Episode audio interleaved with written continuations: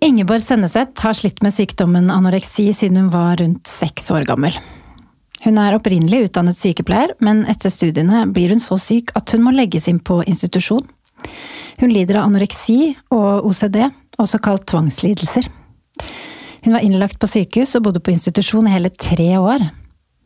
I dag er hun en av Norges mest omtalte journalister og samfunnsdebattanter. Hvordan kom Ingeborg seg den lange veien fra institusjon til Akersgata? Og hva skjedde egentlig i Ingeborgs liv som har gjort at hun har blitt til den hun er i dag?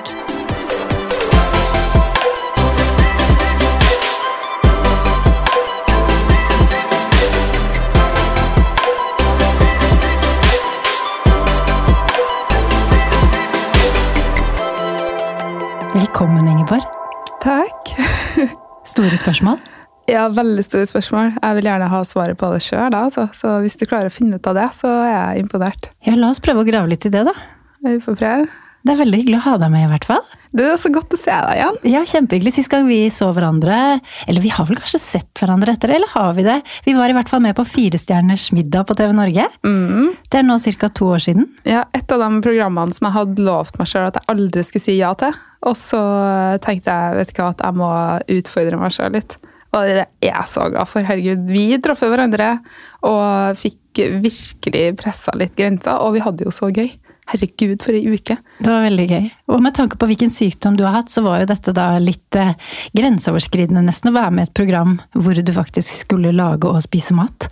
Ja, særlig siden du sier eh, har hatt, for jeg har det jo i høyeste grad fortsatt. Du har det fortsatt? Eh, så det var ganske spesielt både det at noen skulle se meg lage mat, fordi at jeg jo egentlig, jeg er jo egentlig veldig glad i mat. Det er ikke som at jeg har noe imot maten, det er bare det at det er så vanskelig for meg å spise den. Ikke ikke pga. at det er kalorier, men fordi at eh, jeg strever så veldig med eh, den tvangslidelsen, da, som tilsier at ting må være så innmari rent. Mm. Så derfor så var jeg jo litt redd for kommer jeg til å klare å servere ting litt sånn normalt. Fordi at jeg kunne tidligere brukte tre kvarter på å få en tomat ren nok til at jeg skulle spise den. Mm. og da er det jo ikke rart at man blir veldig undervektig, som jeg ble, da, for du rekker jo ikke å spise noe spesielt mye mat hvis at du skal gjøre ting så innmari rent. Hvordan syns du det gikk å være med i Fire stjerners middag, da? Det gikk jo ganske bra, uh, tror jeg. Um, de har i hvert fall fått utrolig mye gode tilbakemeldinger på uka vår, så det er jo veldig godt å høre. Og dere var jo så fine med meg, sånn her avslappa, liksom. Um, jeg tenkte ikke noe over det, og du lagde jo så god mat, da. Jo, takk. jeg, laget, jeg måtte jo lage litt enkel mat, fordi at jeg har Eh, jeg har ikke så veldig mye peiling på kjøkkenet. Jeg begynner å vite et par ting nå, men det er sånn rent teoretisk, og det er fordi at jeg lærer veldig mye av eh, kjæresten. Da. Eh, men sjøl så visste jeg så lite, og jeg oppdaga jo på Firestjerners at jeg hadde lys over komfyren. Da hadde jeg bodd der liksom i fire eller fem år og bare sånn her ja, Hva er den knappen her til? Nei, det er lys, ja! Og det er sånn, Jeg har bare ikke vært der og oppholdt meg der. Um, og jeg var veldig Jeg var kanskje først og fremst veldig sånn flau, da. Fordi at du gjør så mye rare ting når du har eh, OCD. Eh, eller spiseforstyrrelser, for den saks skyld. da. Og det er mer det at jeg blir så veldig selvbevisst. fordi at det er jo ikke som at jeg ikke er klar over at det ser litt dumt ut til tider. Eh, og det har også tidligere vært grunnen til at jeg har holdt meg veldig unna nære relasjoner. Eh, holdt meg unna liksom, situasjoner der det var eh, risiko for at det kunne bli servert mat, mest fordi at jeg var så redd for å oppføre meg teit. da, At folk syntes jeg er dum. Så det er jo den, den store frykten jeg har hele tida, er jo at folk skal synes jeg er dum eller uh, virke Hva heter det? Sånn uh, og hva er det når du er Sånn som du sier om ungene, hvis de ikke liker mange forskjellige ting. Sær eller Kresen. Kresen. Ja. Mm. Eh, at jeg skulle virke kresen, men det er jo ikke, det er jo ikke kresen jeg Og det trodde jeg nesten opp til liksom i fjor at jeg var. Uh, og fikk jo Eller på en måte, jeg har fått litt sånn åpenbaring om at jeg er jo ikke kresen, jeg bare sliter litt. fordi at jeg kan jo godt Jeg kan kose meg med alt fra snegler til froskelår uh, til nyretapp. Eh, nå ble det bare kjøtt, da, men også veldig mye grønnsaksting. Mm. Men sånn, jeg, jeg er jo ikke redd for forskjellige ting og syns det er morsomt å prøve ulike ting. Eh, det er bare da at jeg strever litt. Eh, hvis jeg ser at ting blir laga, så blir jeg, får jeg veldig behov for å gjøre det hakket renere. Du spiste jo alt på firestjerners. Ja, men jeg så jo ikke at dere laga det, vet du. Nei, det skal du være glad for. Det, ja, og det er derfor Hva jeg tenkte du etterpå da du så det på TV? Jeg har ikke sett det. Nei, du har ikke det? Nei, jeg har ikke tørsa. Jeg skal se det. Eh, Den uka er den eneste firestjernersuka jeg ikke har sett, for jeg syns det er morsomt å se andres. Mhm. Eh, Men jeg har ikke sett det.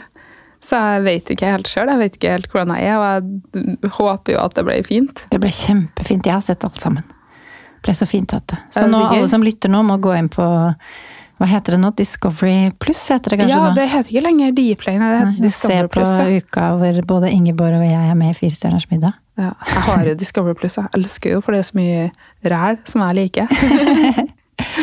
Ingeborg, jeg beundrer deg veldig for å bruke stemmen din og engasjementet ditt til å gjøre en forskjell. Eh, Personlig så skriver jeg mye, og jeg tenker at jeg vil rope ut og publisere tekster i mange situasjoner, men det er noe som holder meg igjen. Hvor ofte er du redd for å publisere noe eller skrive noe? Um, hver eneste jævla gang. Er du det? Mm. Eh, og da mener jeg ikke bare en artikkel eh, eller en kommentar som jeg kan skrive i Aftenposten. Eh, og jeg mener heller ikke på en måte store saker som publiseres kanskje hos TV 2 eller andre da, som lager en featuresak der jeg er hjemme, eller TV-sak eller noe sånt. Men helt ned til en tweet eller en ting i story på Instagram eller på Facebook. Og i perioder så poster jeg jo nesten ingenting med innhold fordi at jeg bare blir så uh, usikker da, og, og nervøs. Hva er det som da Eh, gjør at du publiserer igjen og igjen og bruker stemmen din? Fordi at min frykt er ikke like viktig som saken. Saken er viktigere. Så hvis at jeg mener at en sak teller mer enn det at jeg sjøl er usikker, så er jeg ofte veldig villig til å eh, prioritere meg sjøl nederst. Og det syns jeg er en bra ting. Uh, vi hører det her er sikkert litt feil å si, men jeg syns at vi hører altfor mye i dagens samfunn at man skal tenke på seg sjøl først. Eh, Jeg syns egentlig ikke det. Jeg syns vi kan godt tenke litt på samfunn først, og på saker først. Og hvis jeg skulle tenkt på meg sjøl først hver eneste gang, så måtte jeg da vært ja, vær snill med deg sjøl, ta vare på deg sjøl. Ok, hvis jeg skal være snill med meg sjøl, så betyr det at da skal jeg slutte egentlig å uttale meg offentlig, fordi det har en veldig stor kostnad for meg, for jeg er ikke glad i konflikt. Jeg er ikke glad i oppmerksomhet, og ikke glad i noe av det som på en måte følger med å være en offentlig stemme. Eh, Men jeg er ekstremt glad i å sette ting på dagsorden. Eh, Og jeg syns også det er morsomt når det skapes oppmerksomhet om noe som man kanskje ellers ikke snakker like mye om. Eh, Tidligere så var jo det vaksinemotstand, f.eks. Det, var- det er jo veldig rart å sitte i en situasjon nå der alle snakker om vaksiner absolutt hele tida, mens jeg var veldig alene i mange år. Eh, Eller antisemittisme eh, og andre temaer som er ekstremt viktige å ta opp. Da.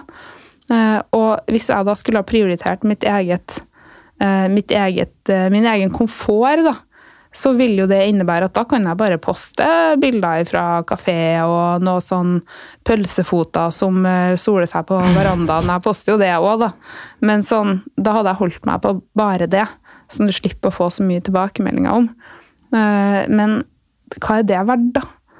Det er sånn, skal jeg nå først være på den jorda her, nå har jeg nå først overlevd den skiten her, så må jeg på en måte, så føler jeg at jeg har lyst til å gi noen ting tilbake, da. Eh, Og det er en del av det. Jeg beundrer deg i hvert fall veldig for det. Det krever jo et visst mot, for du får vel en del kommentarer som ikke er like hyggelige også? Når du stikker hodet frem? Altså det er, først og fremst så er det jo nyttig fordi at du ser at det kan skape en endring, og det kan skje Mm. ting. Eh, og det er mange gode tilbakemeldinger. Eh, problemet er nok litt at det av og til er veldig vanskelig å få hørt de gode, fordi at det kommer veldig mange av de dårlige. Mm. Eh, og det går jo egentlig ikke på meg, men på saken. Men de tar meg heller enn saken, fordi at det er mer effektivt. Um, jeg har nylig vært i en god del uh, både debatter og saker sammen med Lan Mar- Marie Berg i Miljøpartiet De Grønne, pga. at jeg og hun er to av dem i Norge da, som utsettes for en del av sånne ting. Um, og det jeg anser som det største problemet, er jo ikke uh, egentlig trusler. Fordi at dem er det jo relativt få av. Altså, da mener jeg ting som kan straffeforfølges. Uh, og det er egentlig ikke politiet og anmeldelser som skal rydde opp i det her, for det får ikke vi til. Hvis vi skal gjøre det straffbart uh, å være kjip, så får vi et veldig veldig snevert ytringsrom i Norge. Og det kan vi ikke ha. Noe av det mest verdifulle med Norge er jo at vi har en bred ytringsfrihet. Eh, og mm. at det er store, vide rammer. Men en del misbruker det til å skape kvalm. Eh, fordi at de skjønner hvor hen grensa mot en trussel går, og så holder de seg innafor det. Eh, og maser og gnager og er en skikkelig, skikkelig, skikkelig dritt. Og de enkeltstående er jo ikke så ille i seg sjøl. Eh, det er, ikke, det er, ikke, sånn at jeg går i knestående for at én person eh, kaller meg stygg eller fitte eller andre ting som man kan finne på. Barnemorder er jo en populær eh, sjanger. Um, Hører du mye sånt? Ja. Men problemet er ikke den enkeltstående som gjør det. Problemet er når det blir 200, 300, 400, 500, 600 og 1000 på én dag. Mm. Fordi at da blir det så mye støy at jeg ikke på en måte får konsentrert meg om dem som teller, og det er dem som ikke bare er positive, men også dem som er kritiske. Fordi at, for å si det sånn, Jeg har ikke alltid rett, og jeg er helt avhengig av at folk også korrigerer meg hvis at jeg tar feil. Og jeg vil jo veldig gjerne lytte til de stemmene, for jeg er ikke imot å bli kritisert. Eh, jeg er bare imot at folk skal stå og gaule om helt irrelevante ting. Um, så der er nok det vi må ta tak i mest, det er å håndtere den mengden. Uh, og den får vi ikke kvitta oss med. Men det vi kan gjøre noe med, absolutt hver eneste uh, mann og kvinne og alle andre kjønn, kan gi en sånn liten tommel opp når du ser noe. Gi en positiv tilbakemelding. Mm. Uh, og fylle opp skulle du si, internett med bra ting. For at det går faktisk an. Eller still spørsmål. Uh, hvis du ser en drittkommentar, så bare sånn Ja, hva mener du med det? Hvorfor sier du det? For du trenger ikke å gå i rette med hvert eneste nettroll ut men bare still spørsmål. Men tenker du ikke at det nesten er like greit å bare ignorere? Overse? Eh, det er jo mest behagelig, men det har jo sagt hva jeg mener om å ha det så behagelig, da. Ja, det er sant. Bedre å si noe enn å la være. Ja, men du trenger ikke alltid å si noe til nettrollene. Si noe til den personen du mener har sagt noe bra, da. Mm. Eh, gi dem litt ekstra energi. Eh, og våg deg utpå sjøl, for jo flere som tar og okkuperer den offentlige arenaen, med konstruktive, gjerne kritiske ting. Ikke nødvendigvis til meg, men til hva som helst. Til forholdene i barnehagen, til utvalget på butikken, til hvordan bønder behandles, eh, til hvordan veien eh, er. Altså, okkuper den plassen med dine konstruktive og saklige meninger, så blir det mindre plass til det rælet som ikke egentlig har noe fornuftig å komme med. Og kanskje blir de inspirert, da. For å si det sånn, det er, det er ingen som gidder å høre på deg når du er en kuk ta oss og Vær litt ordentlig, da, og så heller si ifra på en skikkelig måte, så skal jeg høre på dem òg. Vi hører på deg. Vi får se nå.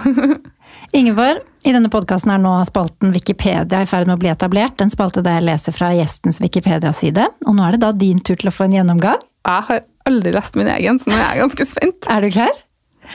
Ingeborg Senneset, født 17.3.1985 i Sunnfjord, er en norsk journalist, samfunnsdebattant, forfatter og styremedlem i Norsk Penn. Hey. Senneset har fra 2013 jobbet som journalist i Aftenposten. Og det er bare å korrigere her hvis det er noe feil, for det vet man jo aldri med Wikipedia. Foreløpig så høres det greit ut. Bra. Senneset vokste opp i Flå i Trøndelag, men flyttet til Trondheim etter ungdomsskolen. Hun har to eldre brødre og flere stesøsken. Etter endt allmennfaglig linje ved Trondheim katedralskole tok Senneset en bachelorgrad i sykepleie ved Høgskolen i Sør-Trøndelag. Senneset ble under og etter studiene innlagt på sykehus med anoreksi, og var til sammen på institusjon i over tre år. Hun blogget i samme periode, og bloggen var ofte omtalt i mediene. Senneset ble gjennom aviskronikker og sosiale medier etablert som samfunnsdebattant. I mai 2013 flyttet Senneset til Oslo for å satse på journalistikk eller juss. ja. Hva, for å satse på journalistikk eller juss? Ja, Hvor har, har de fått med seg det fra? Nei, Det hadde jeg nesten glemt sjøl. du visste ikke om jeg... du skulle gå journalistikk eller juss? Nei, men jeg hadde Jeg, hadde, jeg har eh, jeg grunnleggende sånn rettferdighetssans. Så jeg ville jo bidra på en eller annen måte. Og altså det å gå juss tenkte jeg også var en vei, da. Mm. Men det var, det var veldig vanskelig å komme inn på begge to. Ja. Så ble det journalistikken. Nei, jeg kom ikke inn. Nei, men du Så ble journalist. Jeg ble journalist, ja. Men det er jo en jo eh, der, eh, ubeskyttet tittel. Ja, men jeg sto jo i Oslo. Eh, bodd på gulvet til bestevenninna mi Kadra Yusuf eh, i de første seks ukene, for jeg hadde ikke noe sted å bo. Eh, fikk hjelp av en annen venninne, Cecilia Dinardi, som er barnerettsadvokat, da, som er veldig dyktig, og som var en av inspirasjonene liksom bare til at søren juss er kanskje det jeg skal satse på. Eh, og hadde ikke jobb, ikke skole, ikke plass å bo. hadde liksom ingenting, men hadde sånn Hvis jeg jobber hardt nok, så skal det her gå. Eh, Så jeg jobba jo bare gratis i starten. Ja. Og så eh, fikk jeg da et uh, tilbud om et eh, vikariat i Aftenposten. Ja, for det er neste punkt. I september samme år ble hun ansatt i Aftenposten. Først da på et vikariat, tydeligvis. Hvor hun siden 2016 har hatt fast stilling. Mm. Flere TV-, radio- og avismedier har hatt sendesett som gjest, andre Trygdekontoret, Dagsnytt 18, Hallo P3, God morgen Norge, TV 2, NRKs valgsending, VG, Dagbladet, Bergens Tidende, Adresseavisen og lokalmedier. I 2017 debuterte Senneset som sakprosaforfatter med Anorektisk på Cappelen Dam. Boken er i stor grad basert på dagboknotater fra tiden Senneset var innlagt. Boken fikk strålende kritikker, bl.a. i Aftenposten. En ekstern anmelder, vel å merke, står det her. Og terningkast er seks. veldig grundig Veldig grundig. Ja, og boken fikk terningkast seks i Adresseavisen. Forlaget måtte trykke andre og tredje opplag i løpet av én uke etter at boken var kommet ut. Senneset var nominert til verdiprisen Årets ladejarl 2017. I 2020 fikk Senneset prisen Årets gullpenn under Wixon Awards. Mm. Hva syns du om Wikipedia-siden din? Det her var det var kjempekoselig. Og da høres liksom ting så Det høres enkelt ut, da. Det, er sånn, det, Ja, det virker som at det liksom bare Ja, kom ned hit og Ja. trampa rundt. Jeg ble, jo, jeg ble jo utskrevet i 2012, og så bare sånn her tusla en tur ned til Oslo. Og så har det liksom ordna seg. Vips, har du den Eh, CV-en. Ja, og det Jeg vet jo at det ikke var sånn, eh, men eh, de resultatene som står der, det er jo, det er jo sant. Så å, jeg får litt sånn prestasjonsangst, jeg, for det høres ut som at jeg er så flink. Jeg er ikke noe spesielt flink, jeg bare jobber veldig mye. Er det bedragersyndrom igjen nå, Ingeborg, som kommer? Eh, det der, ja. Fader. Du er jo flink, det er jo helt åpenbart. Det er, jeg, noen sier det. Jeg føler ikke alltid det sjøl. Ingeborg, du har jo en spesiell historie. Og for å bli litt bedre kjent med deg eh, og hva som har preget livet ditt, så har jeg lyst til å høre litt mer om oppveksten din, og hvor du kommer fra. Du blir født i Sunnfjord i 1985, men vokste opp i Flå i Trøndelag. Hvordan var det å vokse opp der?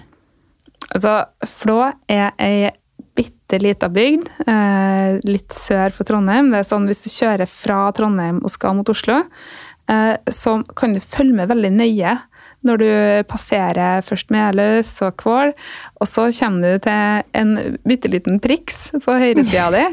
Eh, da er du på Ler, men på andre sida av E6-en, der er du på Flå. Ja. Eh, og der var der jeg vokste opp. Um, og det har utrolig mange gode sider ved å vokse opp i ei lita bygd.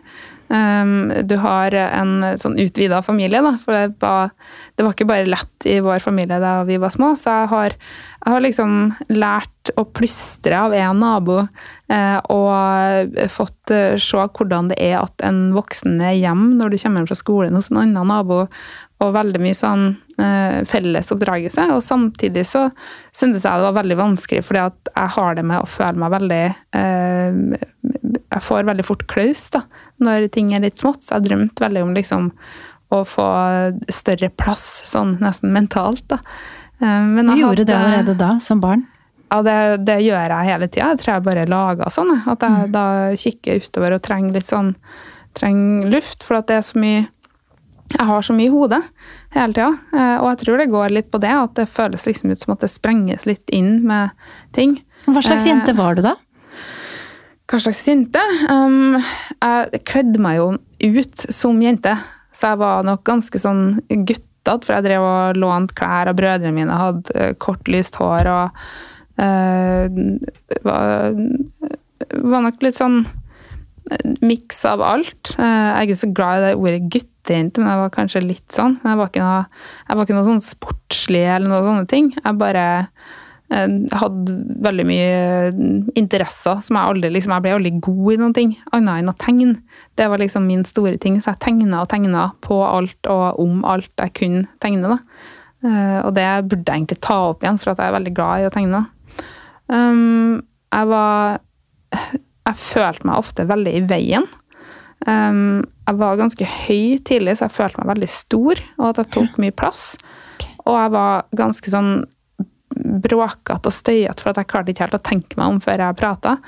Og fikk ofte kjeft. Sånn ble kasta på gangen, eller eh, ble bedt om å roe meg ned, eller læreren kanskje slo i pulten og sa at jeg skulle hysje. Og, og, sånne ting som gjorde at jeg lærte veldig at man skal ikke være bråkete som jente. Eh, og lærte at Og, og misunt veldig de jentene som var sånn stille og søte. Jeg var verken eller. Um, og syntes nok det var veldig vanskelig. Og i tillegg så sleit jeg med mitt, da, for at jeg hadde også opplevd en del ting som var ganske dårlig for meg. Og vært litt uheldig med voksenpersoner jeg kom ut for. Og det gjorde at jeg fikk et veldig sånn behov for å skade meg sjøl.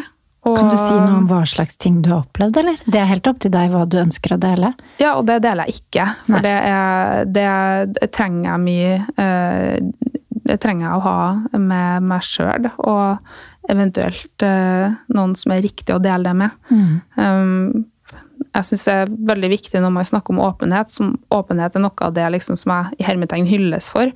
Og da prøver jeg alltid å si at den åpenheten skal alltid være på en måte kontrollert. Eh, man skal være åpen eh, om de rette tingene i offentligheten. Da skal det være såpass bearbeida at det er nyttig for andre. Og i tillegg så er den viktigste åpenheten er ikke ut mot verden, men den er inn mot den innerste kretsen. Og der strever jeg fortsatt med det. Det er en del ting jeg ikke prater med noen om, og sånn kommer det kanskje til å være en stund, og kanskje ikke. Kanskje kommer jeg dit at det går an. Men i hvert fall. Um, jeg prøvde å håndtere de tingene helt på egen hånd. Og en unge på sju år håndterer ikke sånne ting bra på egen hånd. De trenger hjelp av voksne til å håndtere ting. Og jeg ville ikke ha hjelp. Jeg ville ikke at noen skulle vite, jeg ville ikke at noen skulle blande seg. Jeg ville bare ordne opp i det her sjøl. Eh, jeg hadde en fantastisk mamma som jobba så utrolig hardt for å ta vare på oss ungene, så jeg ville ikke at hun skulle få enda en bekymring. Så hun skulle i hvert fall ikke vite ting. Eh, så derfor så tenkte jeg at når jeg da kan ordne opp i dette sjøl, som jeg da ikke kunne, men som jeg har prøvd på ved å skade meg, og etter hvert ved å uh, bruke mat, da, enten å sulte meg eller kaste opp eller spise for lite eller spise for mye. Det var liksom Du kunne bruke mat på en måte til å regulere ikke bare følelser, men også oppførsel. Uh, for jeg oppdaga det at hvis jeg, hvis jeg er ganske slem med meg sjøl, mm. så klarer jeg å konsentrere meg litt bedre. Mm. Jeg klarer å være litt stillere, eh, og jeg klarer, jeg klarer, meg bedre på skolen når jeg er kjipere med meg sjøl. Eh, så for meg så hadde spiseforstyrrelsen veldig en sånn funksjon, da. Og den var veldig, veldig hemmelig. Det var ikke et rop om hjelp. Jeg skulle absolutt ikke ha hjelp. Jeg ville ikke at noen skulle vite det, for det her fungerte for meg da, til en viss grad.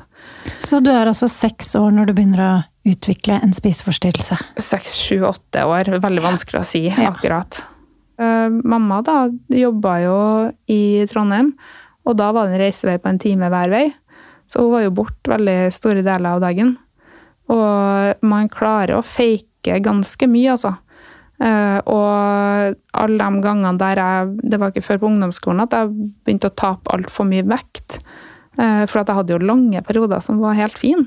Mm. Eh, det er ikke sånn at du på en måte er en eh, ferdigutvikla anorektiker dagen du starter å rote med mat. Det er sånt som utvikler seg, da. Eh, og jeg hadde lange, supre perioder der jeg ikke kan komme på at jeg hadde noen symptomer, og så var det dårligere i perioder igjen. da. men da jeg begynte liksom å gå ned i vekt, og det begynte å vises, så var jeg snart til å prøve å gå opp igjen, sånn at det ikke skulle være synlig. For det her skulle være min hemmelighet, da. Så jeg ville ikke ha noe hjelp. Avvist folk. Jeg vet at det er venner av meg som hadde sett ting, og jeg vet at brødrene mine hadde øh, følt på ting, og jeg vet at mamma hadde mistenkt ting, men jeg var også utrolig god til å lyge og kom meg unna, og ble veldig sint hvis det var noen som øh, vågde seg innpå og si noe om det. Og det var også en del av grunnen til at jeg da hoppa mellom vennskap, for jeg blir veldig fort knytta til folk. Så, jeg, er så, glad i mennesker at det, skal, det tar meg et kvarter å bli venn med noen. Eh, men jeg kom meg veldig Eller jeg, jeg skygga unna vennskap relativt fort når det ble akkurat så nære at jeg ble redd for å bli avslørt da, som det ekle mennesket jeg følte at jeg var. Og sånn er det fortsatt i dag. At jeg eh, strever med å ha nære relasjoner, men jeg har de siste ti årene virkelig fått øvd meg på det og sett hvor fint det kan være. Eh, og også opplevd hvordan det er når eh, venner bare blir. Eh, at de, de, tar ikke De tar ikke hintet når jeg forsvinner, men bare dukker opp på nytt og på nytt og, og, og tåler deg og liker deg og, og er en del av kretsen din, samme hvor elendig du føler deg sjøl. Og det har vært veldig øyeåpnende for meg. da, Måtte bli voksen før jeg skjønte at jeg har jo undervurdert folk litt. Eh, jeg har overvurdert hvor forferdelig jeg er, og undervurdert hvor bra andre er. Fordi at alle har et eller annet. Og det er ingen som ikke vil være venn med noen bare for at de strever litt. Uh, jo, det er sikkert noen som ikke vil være venn med noen som strever litt, men da er du ganske skittig. Så, og det er ikke mine venner. De er skikkelig skikkelig bra folk, og folk flest er skikkelig bra. Så ja. Men uh, nå har jeg sikkert sagt veldig mange ting som du egentlig ikke har spurt om, så du må bare lede tilbake på sporet. For det, det er fint å høre på deg. Uh, men snakker du med moren din om dette i dag? Hva slags forhold er dere i dag? Vi har et veldig godt forhold. Vi prater masse. Har sånn respekt for mamma, da, for hun har jo hun har liksom gått fra Eh, det å ha det skikkelig, skikkelig eh, tøft med å skulle uh, håndtere alle de tingene hun gjorde med bare en sykepleierlønn og ha tre unger og pendle og alle de tingene som hører med. Um, og bor i dag i Danmark, har gjort det siden jeg gikk på videregående. Jeg er gift med en fantastisk danske som er stefaren min, eller pappfar, som jeg kaller han, og er verdens beste folk. Eh, og vi prater gjerne hver dag hvis jeg får det til. Eh, jeg har jo ikke sett dem på veldig lang tid pga. pandemien, eh, men vi er veldig nære, og hun er en av mine beste venner, liksom.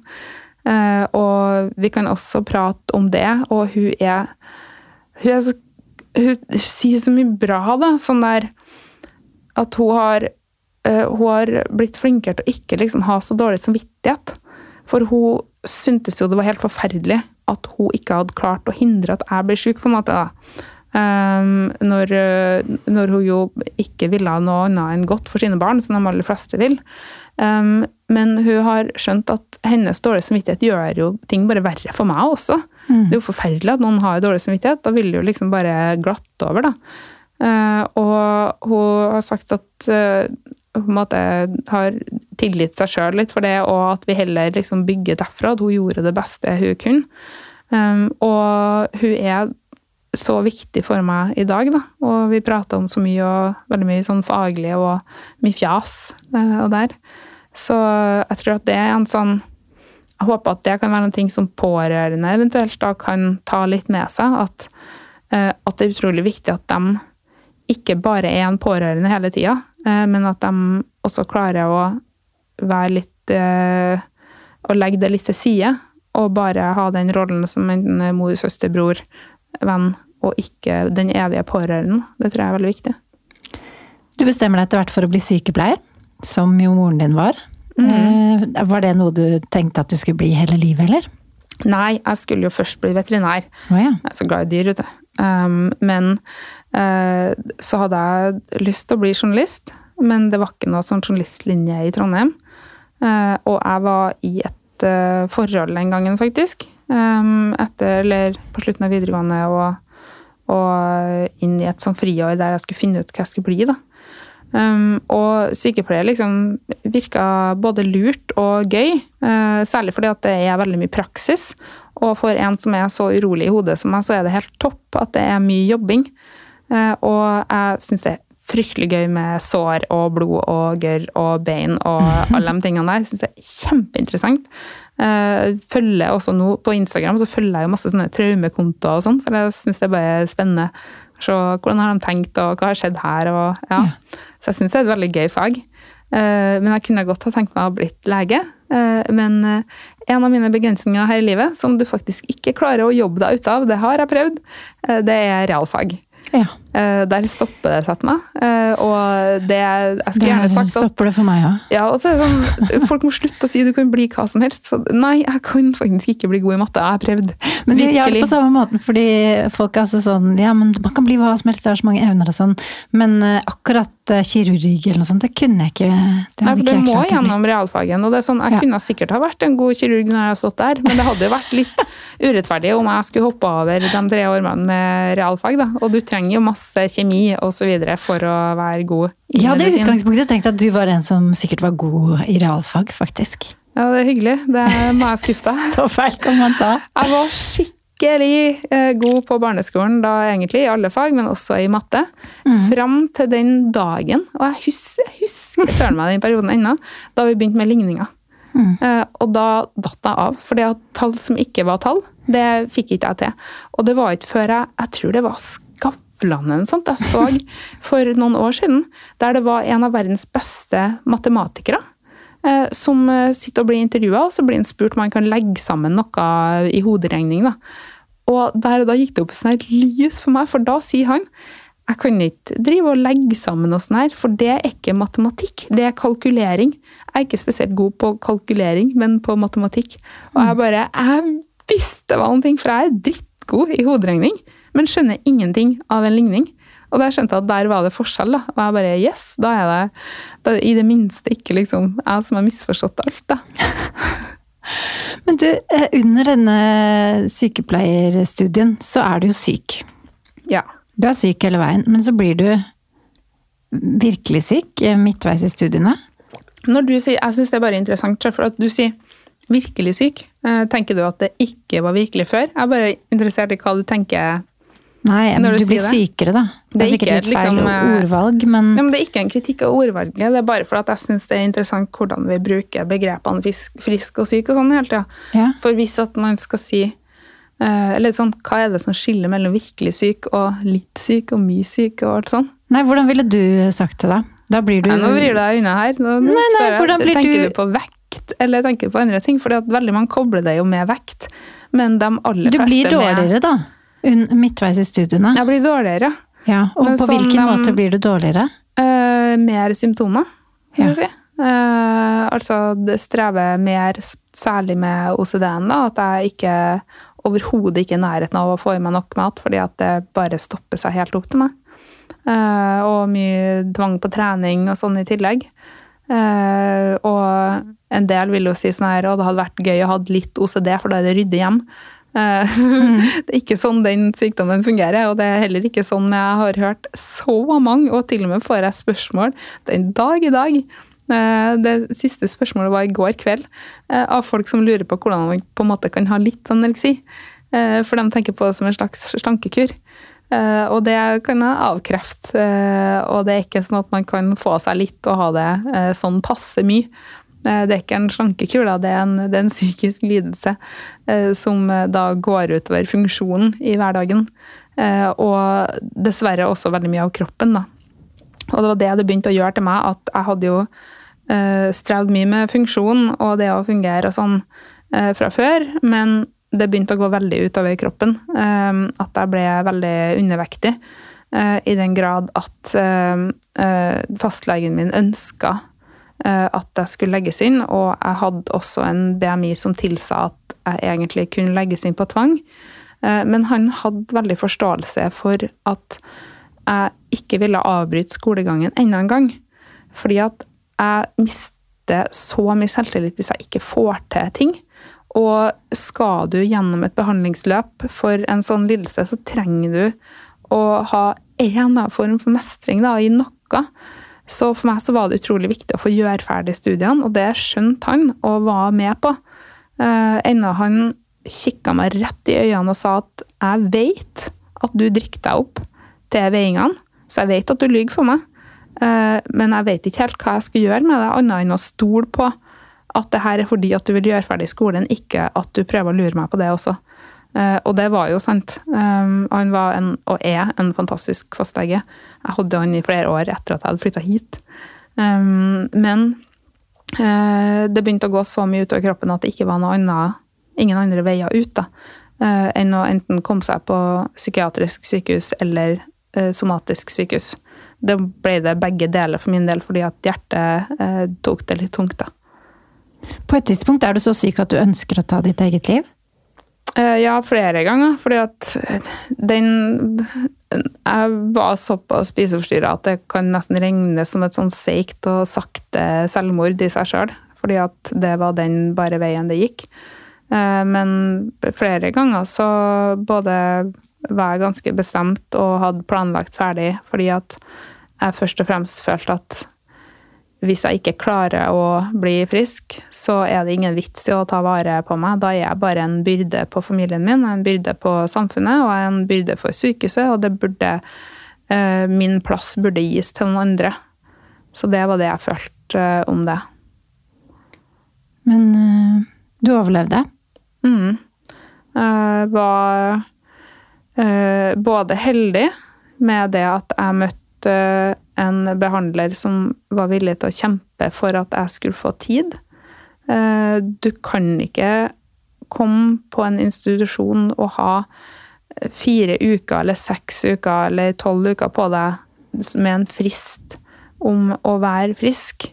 Eh, eller å være bra nok. I hvert fall ikke jeg var så livende redd, for jeg slet så mye med avvisning og, og angst eh, at hvis noen ga meg en frist, så ble jeg jo mer spiseforstyrra, fordi at jeg tenkte at da må jeg passe på at jeg har de verktøyene jeg har. Mm. Eh, fordi at spiseforstyrrelsen, eller en ruslidelse, eller eh, selvskading, er ikke bare et problem. Det er også en slags løsning. Og for veldig mange så er det en slags livline i livet, da. Eh, og du føler at det her trenger du. Du må ha det for å klare det. Og hvis man går inn og skal behandle de her menneskene ved bare å ta bort deres løsning, så sitter de jo fortsatt igjen med problemet. For i kjølvannet av dette selvmordsforsøket, eller det var jo flere som du sier, men kanskje spesielt ett, så blir du da lagt inn på Østmarka, og der møter du en behandler som blir på mange måter vendepunktet for deg. Bjørn het han? Bjørn Angvik. Ja. Fin fyr. Hva er det han gjør og sier som fungerer så godt for deg? Eh, veldig mange ting. Først og fremst var det jo det at han ga meg tid til å få tillit til han og til behandlingsopplegget. Eh, fordi at er det én ting som er viktig i en behandlingssituasjon, så er det ikke metoden, eh, det er ikke rommet, eh, det er ikke hva ting heter, om det heter kognitiv atferdsterapi, om det heter det ene eller andre, men det er relasjonen. Relasjonen mellom pasient og behandler. Uh, og vi fikk en veldig sterk relasjon. Uh, aller, aller første gangen jeg prata med han på, inne på hans kontor, uh, da kom jeg inn, og han tilbyr meg å sette meg ned. og jeg sier at det kan jeg ikke gjøre, fordi at jeg ser at den stolen har armlen. Og jeg var veldig redd for å sette meg ned i stoler med armlen, fordi at jeg følte at jeg kom til å bli sittende fast. Eh, det handla om et sånn helt urealistisk kroppsbilde. For det var ikke det at jeg, det var ikke det at jeg følte at jeg var tjukk, eh, men jeg følte at jeg var veldig stor. Mer som et sånn her gigantisk stillas. da. Og jeg var veldig redd for å bli sittende fast i den stolen. Og istedenfor å gjøre det som nesten alle på hele jorda ville gjort, altså si nei da, du blir ikke det, nei da, bare prøv, bare teste, det går fint, prøv nå, kom igjen, sett deg ned. Så sier han bare ja, men å ja, ja, men jeg har jo også en puff. Så i starten satt jeg på en sånn her fotskammel på psykologkontoret hans, som da var en del av sykehuset. Det var jo, jeg måtte jo være på sykehuset og bo der og hadde bostedsadresse på sykehuset.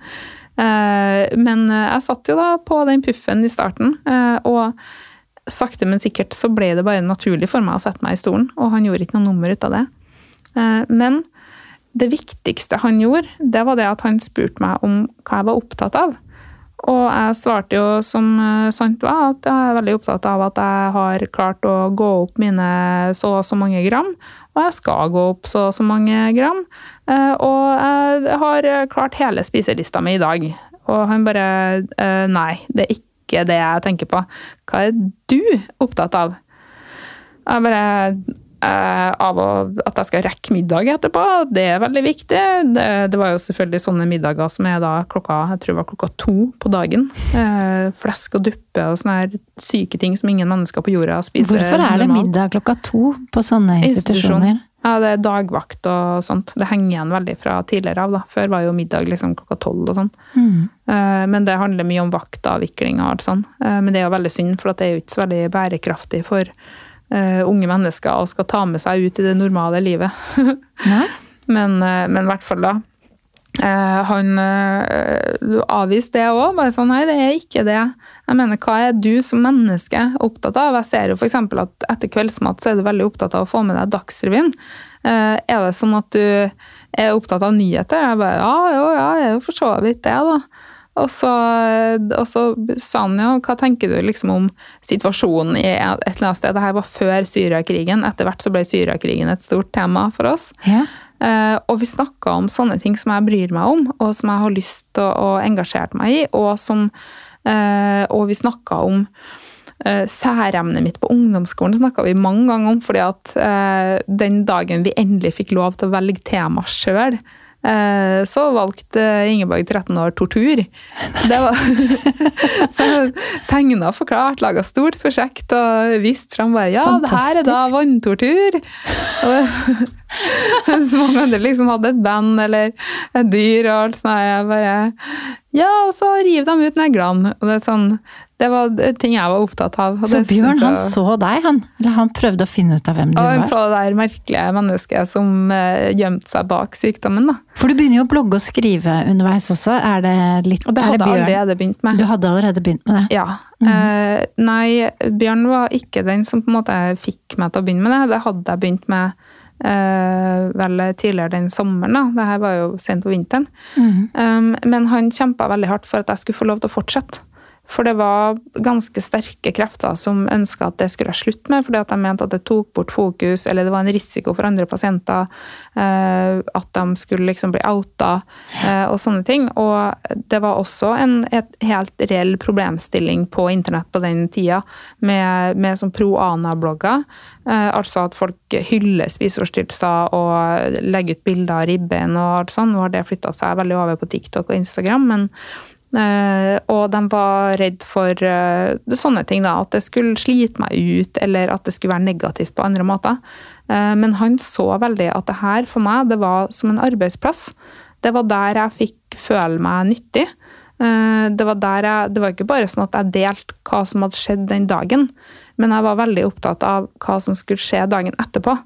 Ikke sånn uff og nei, i morgen må jeg spise to brødskiver til, men sånn ja, fy fader, folkens, nå skal jeg gjøre sånn, det skal jeg gjøre pga. sånn, og prøvde å utforske hva jeg tenkte, og reflektere eh, og, og komme videre. Eh, så poenget med bloggen min var en, både en sånn bli friskere-blogg, eh, men også det med samfunnsoppdrag. da, eh, mm. Å vise fram hvordan innsida av norsk psykiatri kunne se ut. Eh, Sjøl om jeg jo ikke viste fram eh, andre pasienter enn dem som sjøl hadde lyst og ville delta. Eh, og det samme med ansatte. Snakka alltid med folk først hvis det var noe. Um, og hadde jo heldigvis med meg en kompetanse fra sykepleien med taushetsplikt, så jeg visste jo sånn sett hva jeg drev med uh, på det området, da. Uh, og han kjempa veldig hardt for at det skulle jeg få fortsette med, for han så at det var viktig og bra for meg. Så når du blir skrevet ut, så er det med en liten uh, selvtillit, annet fra Bjørn, til å forfølge de tingene du er opptatt av?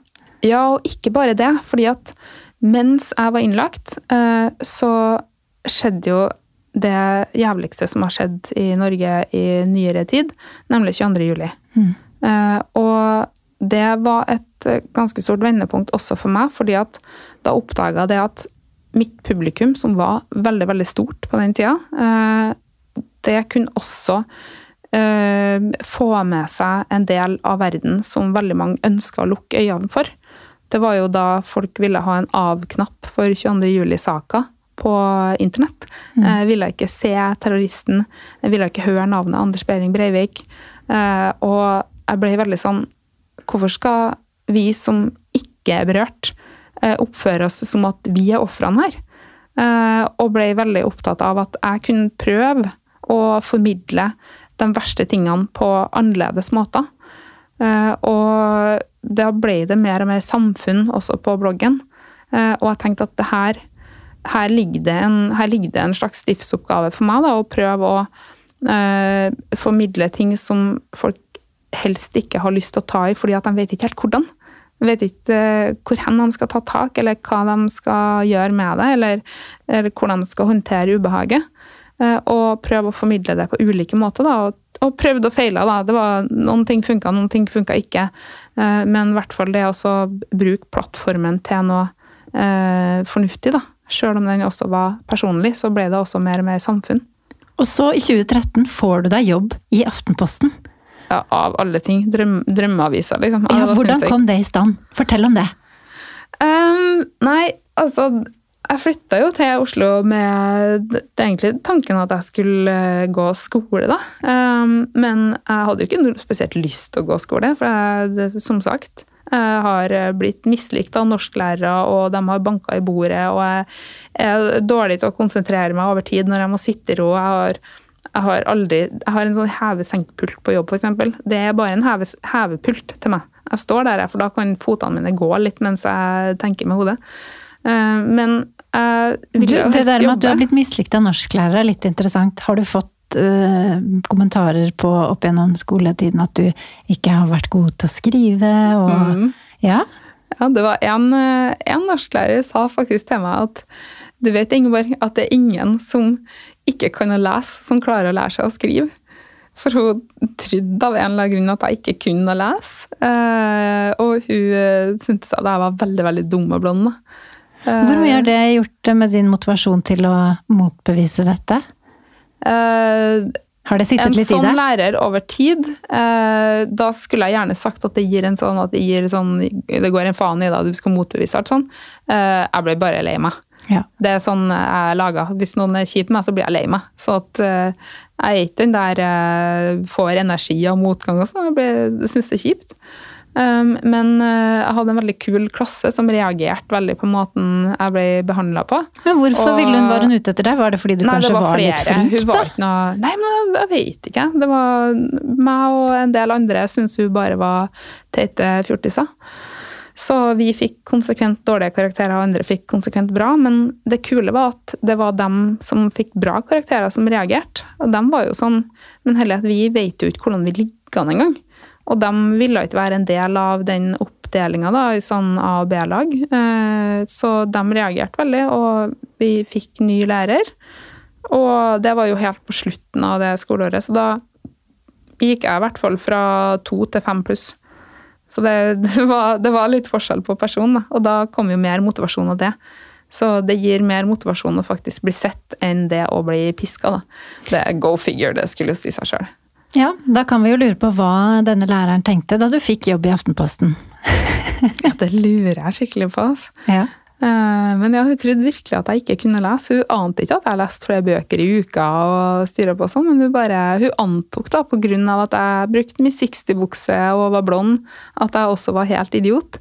Så det, det hadde vært fint om hun på en måte bare kunne jo spurt, da. Sånn, leser du bøker? Istedenfor så sa hun du kan helt sikkert ikke lese, så da kan du ikke skrive heller.